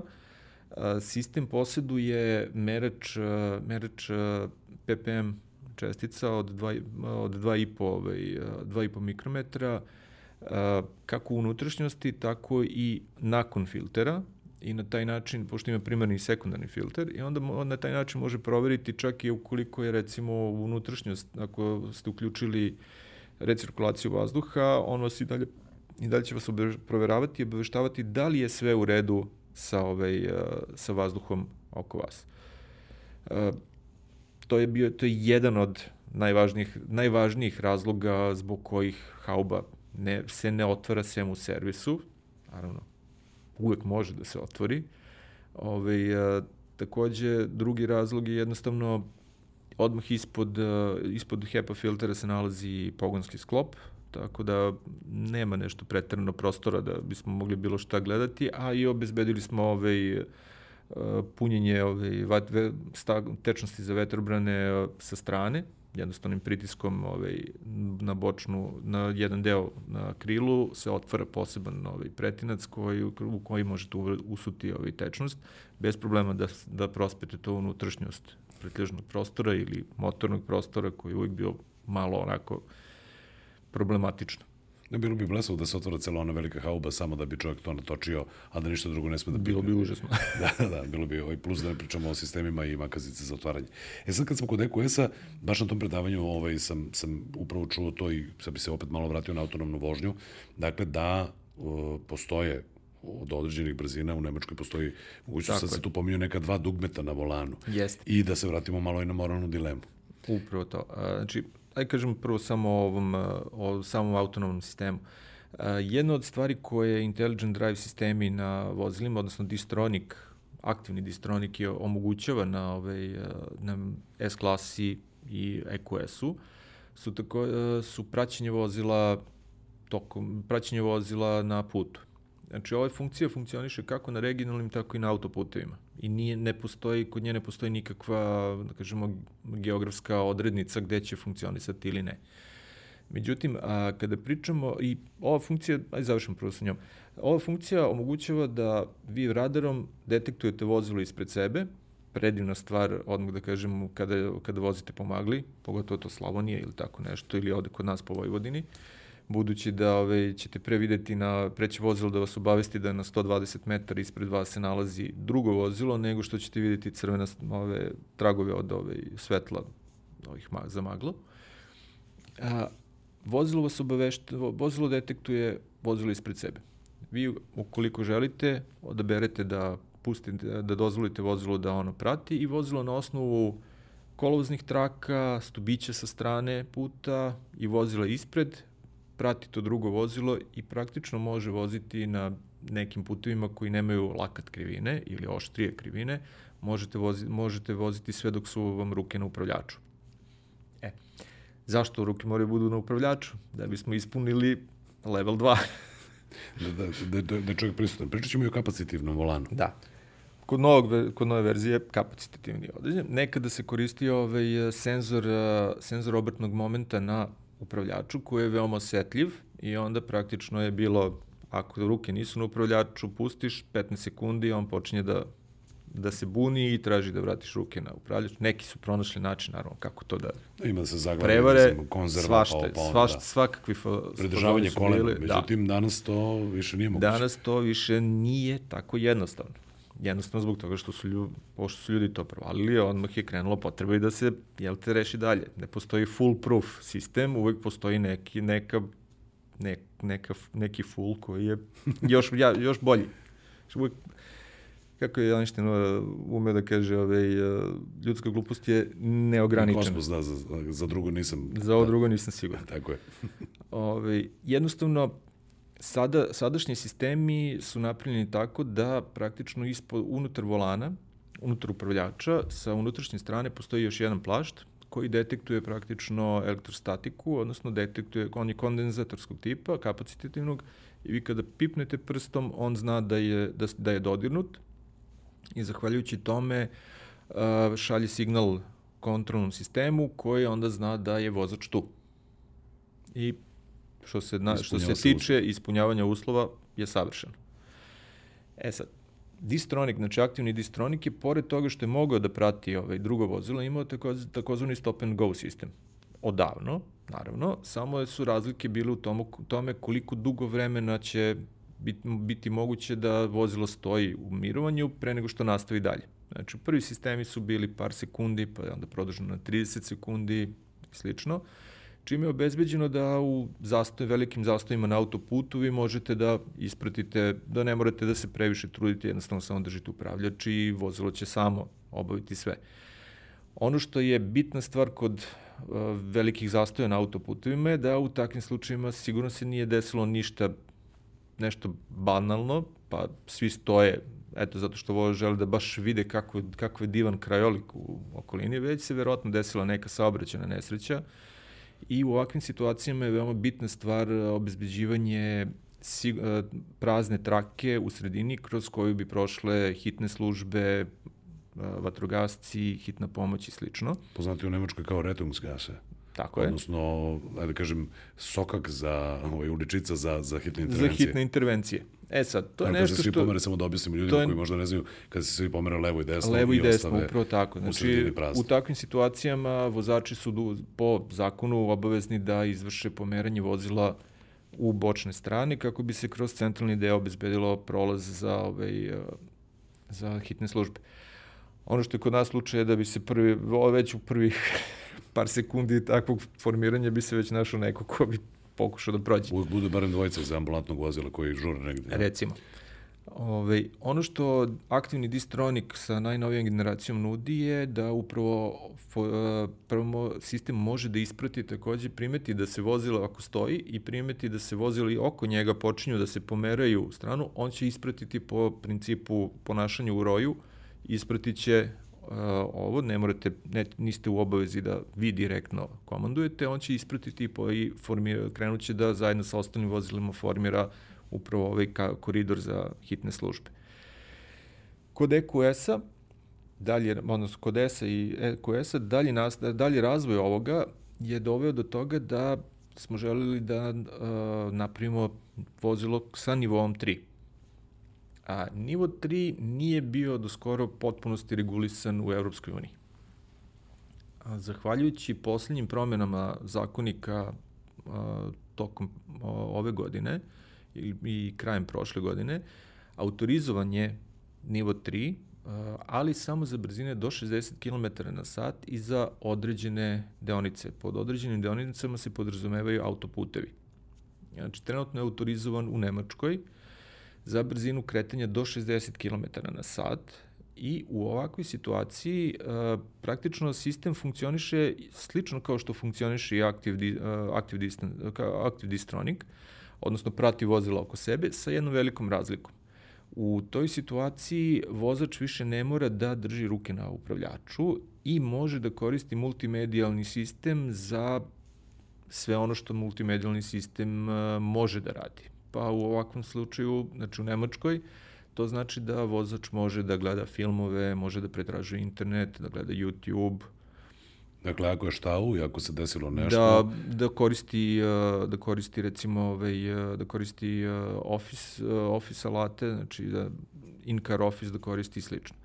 Međutim, u svakom trenutku kada sistem detektuje da, da situacija prevazilazi njegove ne, ne, ne, samo ne mogućnosti sistema, nego prevazilazi pravne okvire u kojima sistem može da funkcioniše, sistem će upozoriti vozača i tražiti da on preuzme ulogu vozača. Ukoliko vozač nije znači, ili ne želi da preuzme komandu u takvim situacijama, sistem jednostavno prati proceduru bezbednog zaustavljanja. Znači, zaustavit će vozilo, upalit će sva četiri migavca, zaustavit će ga u toj kolovoznoj traci, znači upozorit će vozila iza sebe da nešto nije u redu i otključ, ako je već, ako vozač i dalje ne reaguje, otključat će vozilo da bi obezbedio pristup uh, hitnim službama. Ja sam čuo jednu zanimljivu anegdotu sad, ove, ove sledeća ove digresije, ali baš je vezano za, mislim da je u pitanju možda čak i S-kupe a, ovaj, poslednje generacije, uh, prijatelj moj, jedan se vozio sa, sa kolegom iz susedne zemlje i onda ovaj, namjerno mu pokazivo kako to radi, provocirao je ovaj, vozilo da, da, da ga vozilo na kraju je ga parkiralo sa strane. Kao gledaj šta se dešava ako bi se meni nešto desilo za volanom. Mm -hmm. Nadam se da su to radili u bezbednom okruženju, ali yeah. upravo je, pokazujemo je ovaj hands on, mm -hmm. što bi rekli ovaj, u praksi, kako to zapravo Mercedes nakon nekoliko tih manevara i, i, onda posle njegovog odsustva praktičnog za volanom, on sasvim sigurno zaustavlja vozilo sa desne strane zato što, ok, ovom čovjeku se nešto desilo, verovatno, jer ovo nije normalno ponašanje. Pa, zavisi od sistema do sistema. Oni, oni sistemi koje sam ja imao prilike da testiram, uglavnom na S-klasi, ne vrše skretanje, oni vrše samo zaustavljanje u toj kolovoznoj traci. Najbez, to, u principu to i jeste najbezbednija uh, opcija, budući da nikad ne može, vozilo opet ne može biti sigurno da li, da li preticajna traka, da li srednja Upravo to. na autobanovima i na putovima Upravo u Americi. to, znači onda se zaustavi praktično u toj traci u kojoj se nalazi i tu stoji. Sa druge strane, kod nivoa 3 autonomnog upravljanja postavlja se već, ne postavlja se samo ono što kažemo moralna dilema, postavlja se i pravna dilema, ko je odgovoran za slučaj da dolazi do nekog, do, dođe do nekih problema. Ako smo delegirali ta prava na automobil da, i, i da li je automobil nešto. delegirao nazad prava nama. A, svi, generalno svi, a, svi pomoćni sistemi na, na automobilima a, obezbeđuju nam nešto što, možemo to da uporedimo isto sa ovim, a, sa pilotima borbenih aviona. A, kada obučavamo pilote borbenih aviona, što traje veoma dugo, jel da? Mi možemo imati u klasi jednog vrhunskog, četiri prosečna, sa tendencijom da mogu da se poboljšaju i imate jedno desetak, 15 ljudi koji su ok, zadovoljavaju, ali nisu baš najsjajniji. A, I ovde sad pričamo o samo njihovim sposobnostima, recimo na standardnom sistemu. Međutim, onog trenutka kada ubacite u, u sistem fly-by-wire, obaveštavanje, neke dodatne pomoćne sisteme, vi odjednom sada imate celu grupu koja ispunjava ovaj, funkciju na nivou iznad, norm, iznad očekivanog. I to je nešto što praktično pomoćni sistemi obezbeđuju našim, našim vozačima da neki pokušaju da budemo jednaki u tom, da ne, kažem, ne nivou. samo jednaki, nego i da pokušamo da podignemo taj nivo, taj nivo, ovaj, kažemo, uspešnosti u izbegavanju ovaj, saobraćenih nezgoda na viši nivo. To sam mislio, zapravo da budemo jednaki na nekom višem nivou, da, da se, da se zapravo potpomogne, jer nisu svi vozači jednako sposobni. Nisu svi jednako sposobni, naravno, ako neko želi da prenebregne funkcije ovih sistema, postoje načini na koji se može, ovaj, na koje sistem, jer sistem uh, Mercedesova politika je da smo uh, vozači ipak vlasnik svog života i tog vozila. I njegova odluka o tome šta će se dalje dešavati je ipak na, dalje na, njegu, ali, a, na njemu. Ali naravno svako vozilo posjeduje i svoj snimač podataka u, u, u ovim kontrolnim jedinicama koji detektuju u takvim situacijama da li je došlo do odluke vozača ili je vozilo nastavilo da funkcioniše na određen način.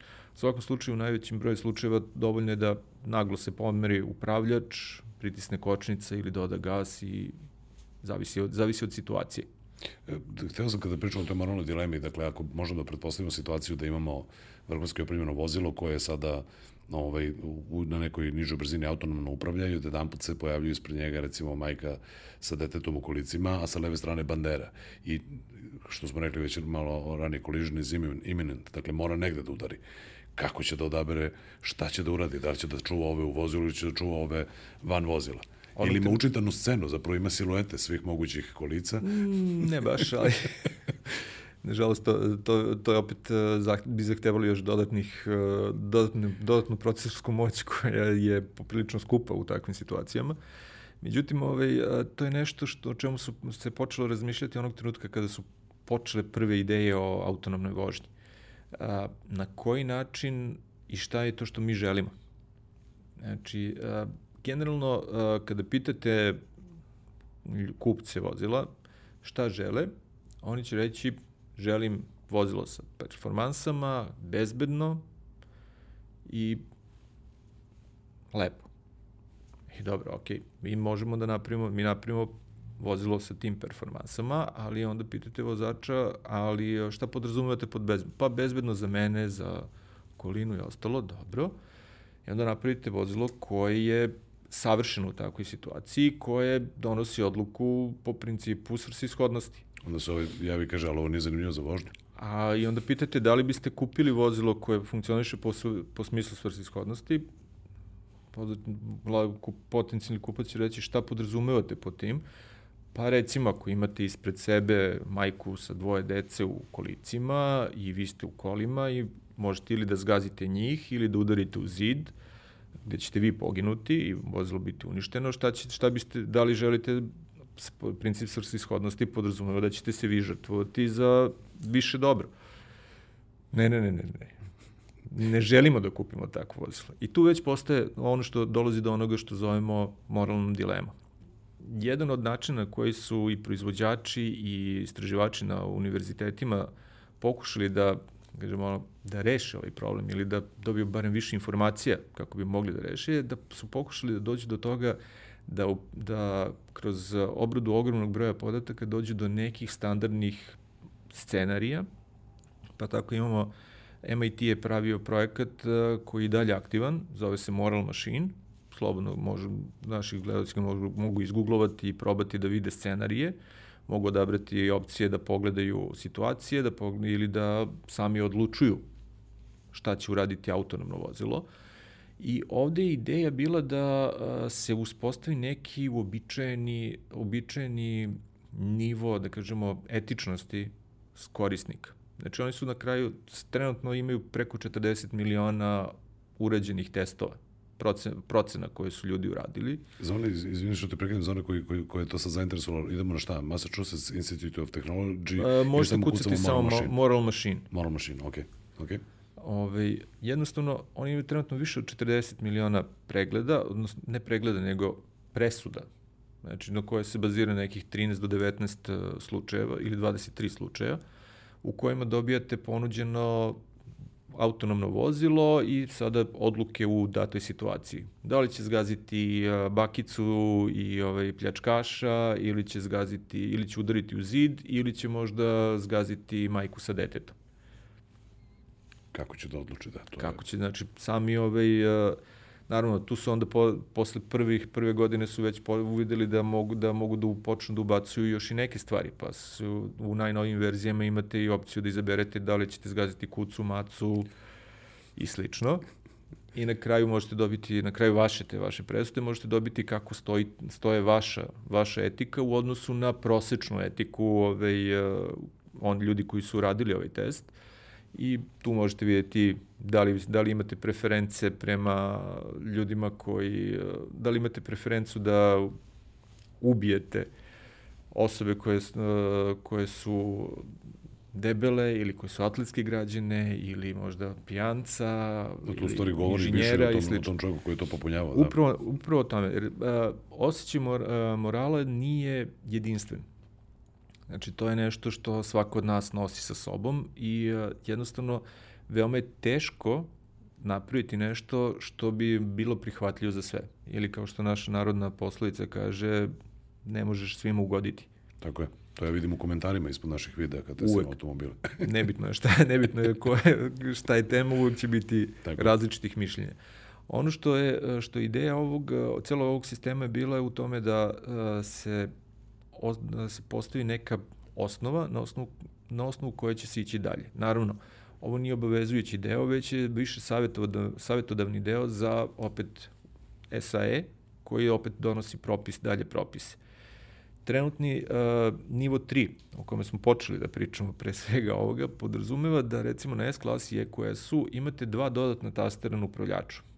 Znači, uh, kada dođete u situ, uh, kada izađete na autoput, ko, znači pod autoputem podrazumevamo deonicu puta na kojoj imamo barem dve trake i na kojoj ne postoje a, raskrsnice, već samo ulaz i izlaz sa tog puta i koje defini, ko, za koje je, su, koje je definisano u okviru geomreže, odnosno geofensa. A, pritiskom na držaći prste par sekundi na ta dva, na te dve tačke na upravljaču, one će biti osvetljene tirkiznom bojom, koja je novi predlog, koja je nova, nova boja koja označava level 3 autonomne vožnje na S klasi i na EQS-u. I kada se, upali, kada se ova svetla upale, jednostavno vozilo će nastaviti da vozi do 60 km na sat brzinom, prateći druga vozila oko sebe na toj deonici, sve dok ne, ne, ne oseti potrebu da prekine funkciju ili stigne do, destina, do nekog dela gde više nema pokrića. Dva dugmeta zbog toga da se ne bi slučajno aktiviralo. Da se nego... ne bi slučajno samo prstom da, jednim. Da bude, znači, ja sam sigurno ovo odabrao. Kao dva, pre, dva ključa za lansiranje. Tako je. ok. A, mislim da, da ovaj, svakako imamo materijala za bar još nekoliko epizoda, ali pre nego što završimo ovo, ja bih volio da pričamo malo i toj budućnosti električnih i hibridnih vozila. Okay. Zato što je glavna prepreka uh, kada, kada pričamo generalno o, o toj vrsti vozila i uopšte o tim novim tehnologijama je domet, gde ćemo da se punimo, kako će to sve da izgleda. Meni je Mercedesovo stanovište ovaj, između ostalog zanimljivo zbog toga što postoji uh, upotreba uh, baterija, odnosno planirana planiran život baterija nakon upotrebe u vozilima, pa hajde malo o tome da, da pričamo i da pričamo o tome kada ćemo zapravo doći do te više generacije, kada, kada ćemo imati dovoljno visoke domete. Sadašnji EQS postoji i sa range-om deklarisanim do nekih ispravima ako grešim 784 km po VLTP ciklusu naravno, naravno sve, sve ovo kad kažemo gledalcima to je potpuno ovaj, čudno. Da, moram, moram malo u zagradama, zavisi od toga kako se, Naravno, kako se vozi kako se i sve vozi. ostalo. Da. Ovo, ovaj, pa hajde da pričamo o tome kada ćemo zapravo doći do toga da, da će to biti, kako bih rekao, rešenje koje može da da nam ovaj, da svima... bude zadovoljavajuće Pa da, da bude zadovoljavajuće, da može bude ovaj, široko korišteno. I šta to Mercedes radi sa, sa starim baterijama? Ne, ovako, ovaj, što se Mercedesa tiče, ovaj, eh, Mercedes je trenutno, trenutno posjeduje dve svoje ba, eh, fabrike baterija, u, jednu u Nemačkoj, jednu u Poljskoj, mada m, posjeduje i manje proizvodnje u zavisnosti od toga, gde, u zavisnosti od tipa baterije. Ove, takođe potpisali su skoro ugovor sa ove, CATL-om u, za fabriku u Mađarskoj i ideja je da se obezbedi nekih 200 gigavat časova proizvodnog kapaciteta do kraja decenije. Znači, ovaj proizvodni kapacitet se očekuje da će biti dovoljan da, pro, da pokrije trenutni plan razvoja Mercedesa po pitanju električnih uh, vozila.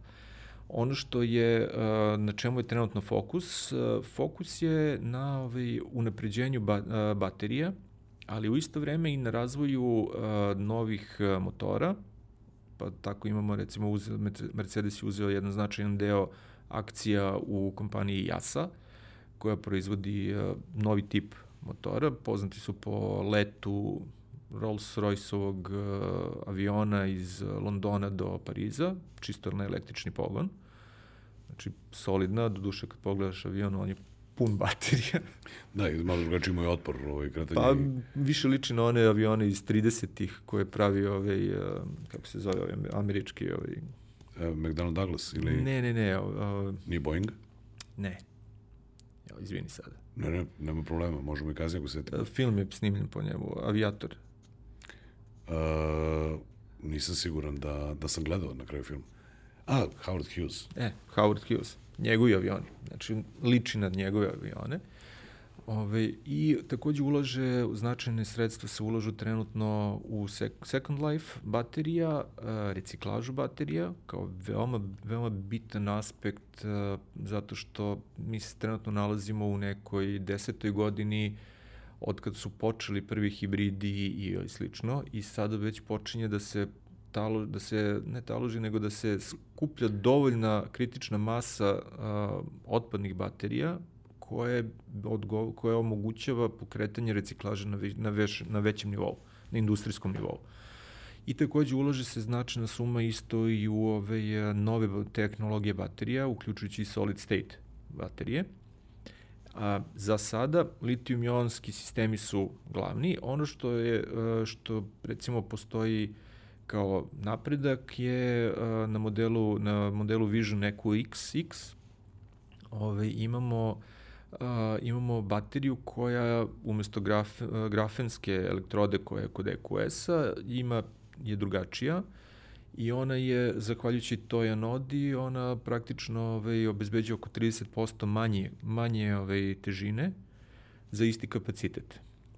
A, već, to je već korak, bitan korak u napred. EQXX je model koji je eksperimentalni praktično, koji je razvijen za nepunih 18 meseci, što je fantastično kada, kada govorimo o razvoju automobila, i koji je razvijen u saradnji sa, ovaj, sa F1 timom.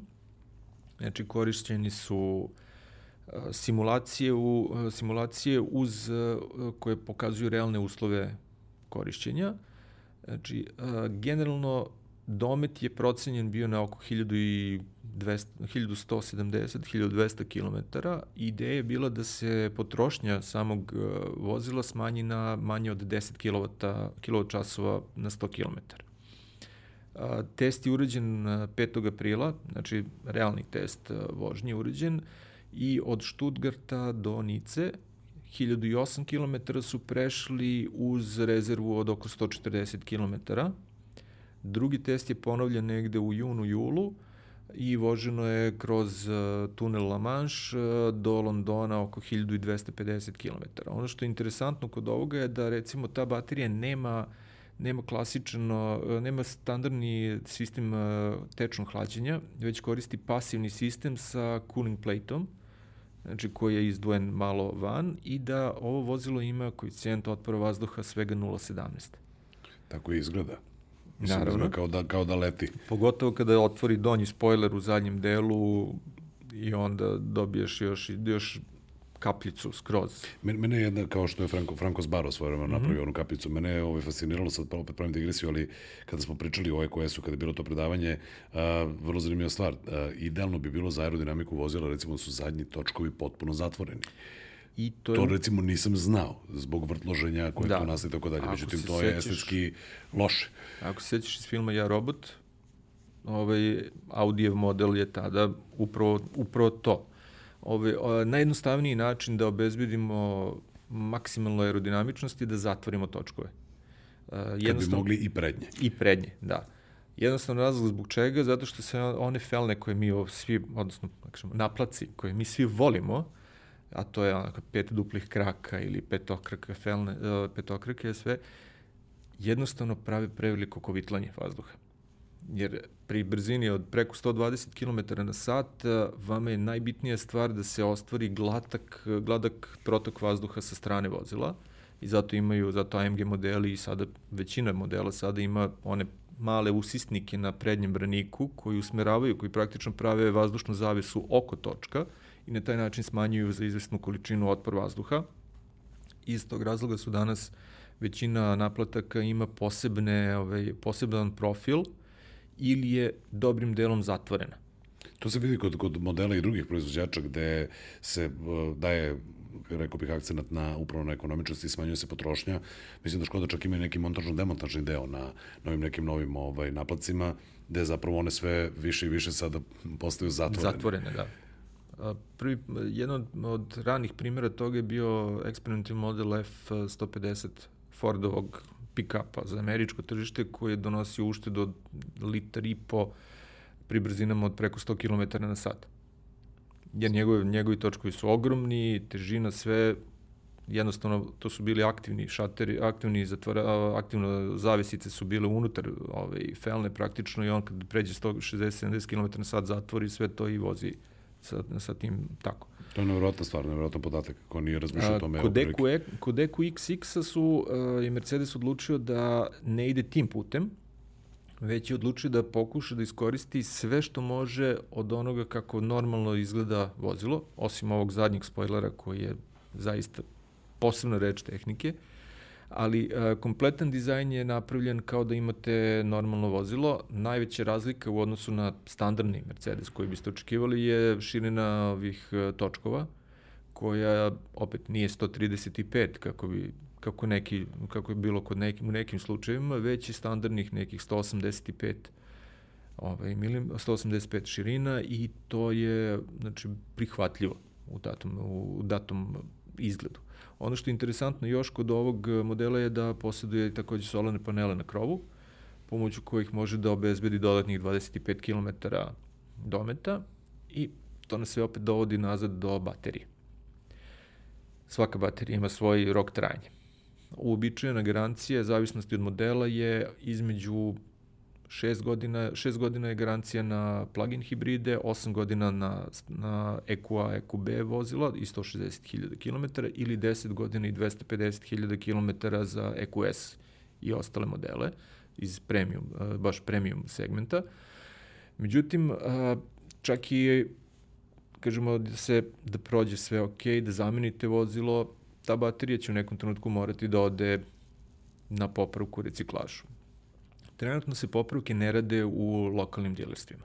Jednostavan razlog za ovo je prevelik, a, sama tehnologija je previše osetljiva da bi se dopustilo bez dovoljno obuke da kadar koji radi u servisu radi na ovome. Obuka za recimo uh, battery specialista koji, mo, koji onda ima pravo da skine, skine ba, da utvrdi problem na bateriji, isključi napon na bateriji, skine bateriju, spakuje je za transport, može trajati do nekih desetak dana.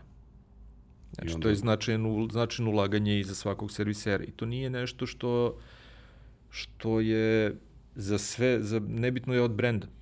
Znači, ovo to je standard koji Trenutno je propisan. neodrživo je, rekao bih, zato što prosto nema toliko tih vozila, a ulagati ta sredstva... Ali moramo, zato što je jedan od uslova za, svakog, za svaki brend, jedan od uslova da počne da prodaje vozila na tržištu električno je da posjeduje i takve obučene specijaliste. S druge strane, te baterije kada se uh, sledeći korak nakon toga je, znači u lokalu, kada se dovoljno ljudi obuči za ovo, za ovo i dovoljan broj vozila bude tu, onda će biti organizovane obuke i modeli će biti drugačiji, odnosno omogućit će zamenu pojedinačnih modula unutar baterije, tako da će moći da se vrši reparacija na licu mesta. Utvrdi se koji, koji deo ćelija je ugrožen, izvodi se, stavi se, naravno Recimo, u servisu. I... EQS ima 12 modula i praktično izvukli bismo jedan modul koji je slab i zamenili ga sa odgovarajućim rezervnim delom. A, međutim, baterije koje se trenutno vraćaju nazad u Nemačku ili koje će se vraćati svejedno, a, ne prolaze odmah, ne idu odmah u reciklažu. Znači, ukoliko se utvrdi da je moguća modularna zamena, mo, zamena nekog modula, vrši se zamena modula i nakon toga baterija se proverava i ukoliko je odgo, a, adekvatna, stavlja se u takozvani second, second life storage.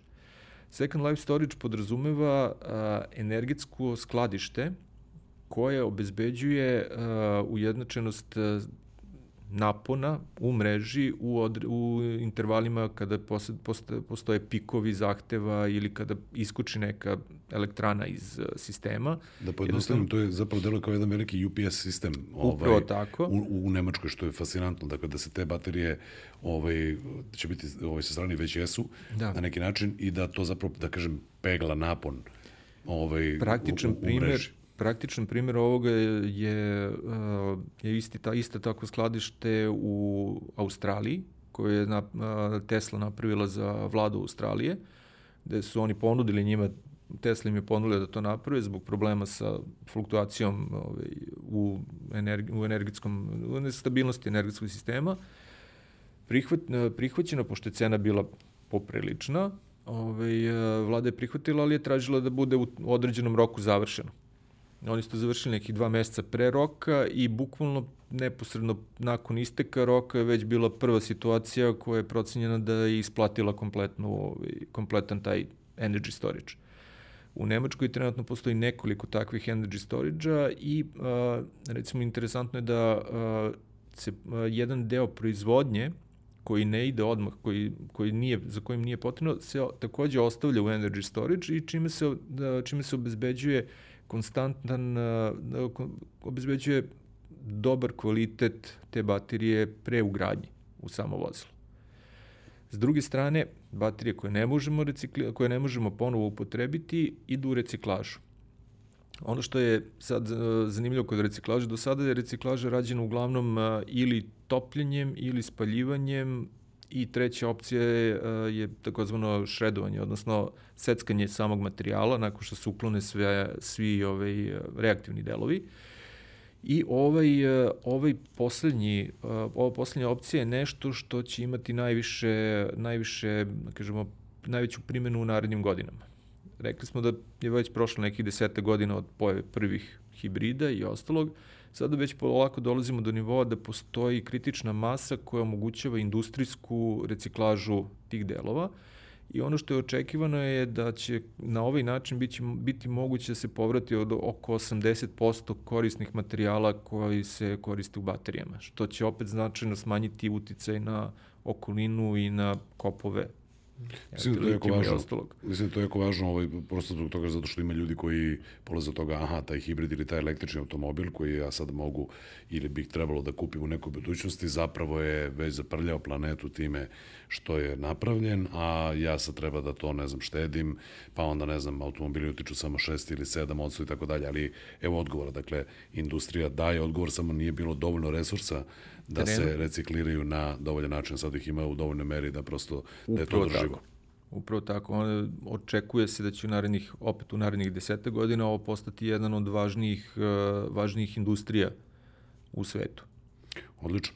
Dakle, ovaj, ako se ugledamo na, na Eco XX i očekujemo, možemo da kažemo da će Da, desete godina narednih. Kao, kao, kao što si rekao Jeremy Clarkson kad je rekao da vidimo šta ćemo mi to imati u automobilu za nared, u narednih 10 godina. Dobro, dakle, za, u narednih 10 godina možemo da očekujemo da ćemo voziti automobile koji će zapravo imati, kad govorimo o električnim automobilima, koji će zapravo imati domet od 1000...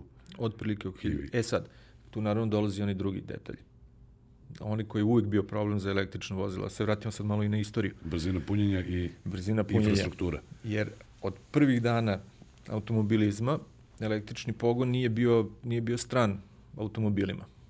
A Ferdinand Porsche, koji je jedno vreme radio u okviru Daimler AG, Daimler, ne, nije, da, pa praktično Daimler DMG-a je radio, u DMG-u je radio kao razvojni inženjer, je, je osoba koja je napravila prvi ovaj, takozvani Mixto model, koji je posjedovao ono što danas se danas većina ljudi smatra za prototip eh, sportskog eh, sportskog električnog automobila odnosno vozilo koje je imalo akumulator i imalo, imalo akumulator i imalo pogon u točkovima.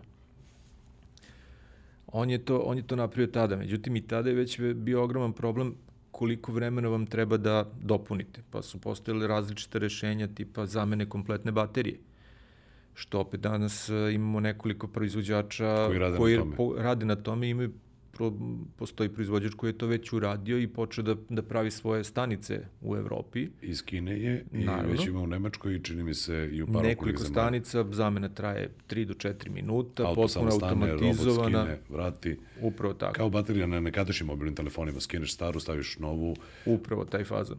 Uh, to je jedan, jed, s jedne strane taj aspekt. Uh, sa druge strane, standardno punjenje traje. Iz jednostavnog razloga, jer uh, mreža ovako kako je razvijena, energetska mreža kako je razvijena, ne obezbeđuje dovoljan kapacitet za vozilo da ono može dovoljno brzo da se napuni. S druge strane, baterije isto ne obezbeđuju tu brzinu punjenja koja bi bila odgovarajuća.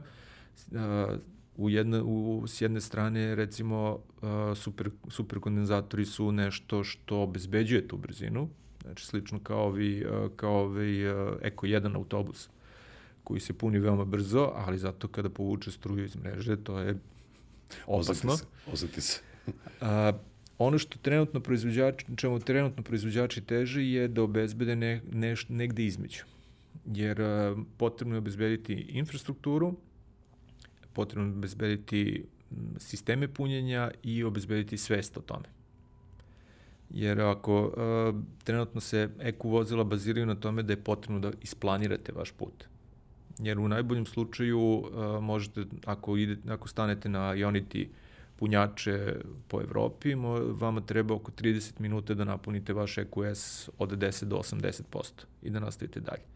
I tu sada, tu sada dolazi sledeći aspekt razvoja, a to je pored, uh, pored razvoja tih punjača u dovoljnoj meri je takođe i činjenica da je potrebno razviti i aplikacije koje će pratiti stanje na određenim pozicijama i pružati uslugu, da li rezervacije, da li procene, kalkulacije za, ovaj, za određenu, to, jedan deo toga već funkcioniše na, uh, u Evropskoj uniji, na našem tržištu nažalost ne, jer Mercedes Mi nije dostupan kod nas, odnosno umrežavanje vozila direktno, ali u Evropskoj uniji vi možete podesiti da putujete iz Hanovera do Berlina i on će vam proračunati na kojim stanicama da stanete i do koliko da punite bateriju. Da bi Da biste stigli i podesite naravno sa koliko recimo energije želite da stignete na, lo, na krajnju lokaciju i to je to. I on sve izračuna. On sve izračuna vaše, samo da dođete tu i napunite i nastavite dalje. Naravno, stanice za punjenje se obično, jedan od uslova je da posjeduju neku, da kažemo, neki sadržaj oko njih, odnosno restorančić, nešto tog tipa, da bi jednostavno putnicima bilo ovaj, prijatnije. Tako da, su, da tu koristi druge sadržaje dok se to, dok se to desi.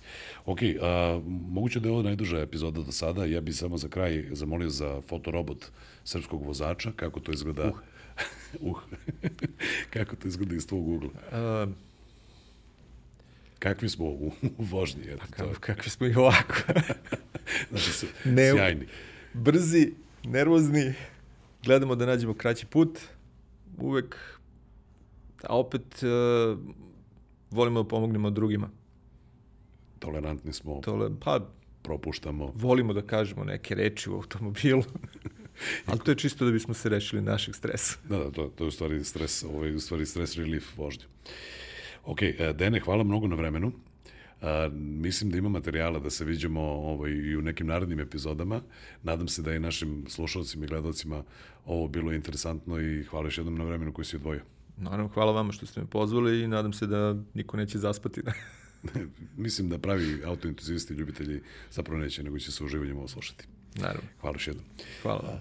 A hvala i vama na slušanju i hvala G-Drive-u uz čije partnerstvo realizujemo ovaj podcast. Ne zaboravite, G-Drive je posebno aditivirano, da kažemo, zimsko gorivo koje olakšava zimski start, omogućava optimalan rad motora i uz novu inovativnu tehnologiju smanjuje naslagu motoru za 45%.